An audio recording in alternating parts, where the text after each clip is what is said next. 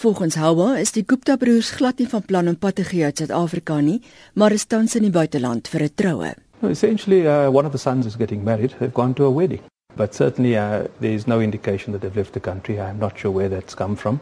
But perhaps part of the ongoing spreading of myths and rumors. Hawa hoop dat die uitvoerende hoofde van die banke sal instem om hom te ontmoet. But from our point of view, I, I want to look the, in the eye of each CEO of each of these banks if I can get to them. That's why I want to appeal to these banking CEOs. Look into your hearts. Think of these 7,500 families. Don't make a cold decision just to put people out on the streets. Uh, don't act on perceptions. I'm very happy to meet with each of them and for them to ask me any question they want on our business.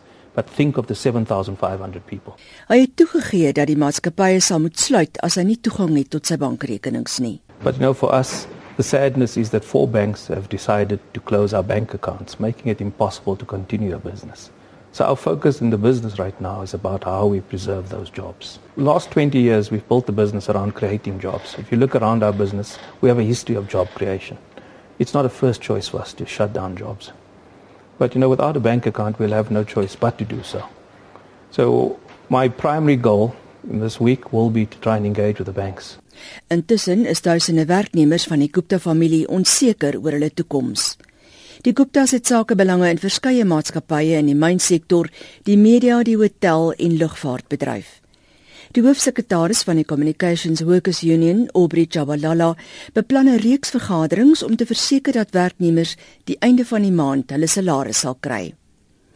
Jabalala sê die vakbonde sal plaaslike sakelei nader om in die Gupta se media en telekommunikasiemaatskappye te belê indien nodig. But uh, we believe that uh, ANN7 is an institution that established itself on the ground in South Africa in terms of the media fraternity and to broaden it up and it's been our call that uh, such institutions must be embraced in South Africa so that we have a diversity in terms of media reporting, both at New Age and the ANN7.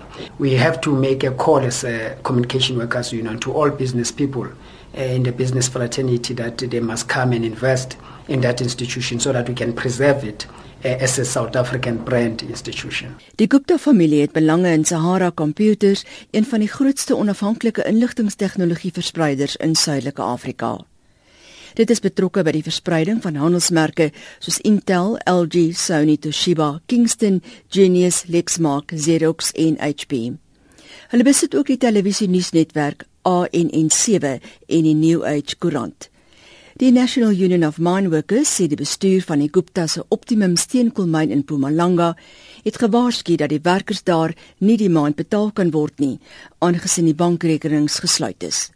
Die NUM se president Piet Matosa. So if the situation goes either way, we will be able as I'm saying to talk to managers and check as to how did the bank account closure affected the operations.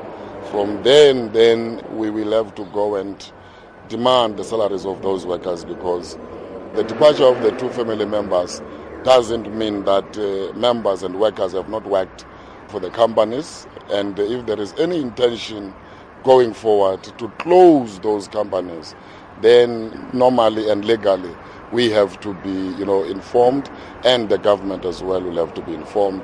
We'll take it from there. Die Guptas besit ook 'n uraanmyn in Noordwes en die toekoms van die myn is onseker.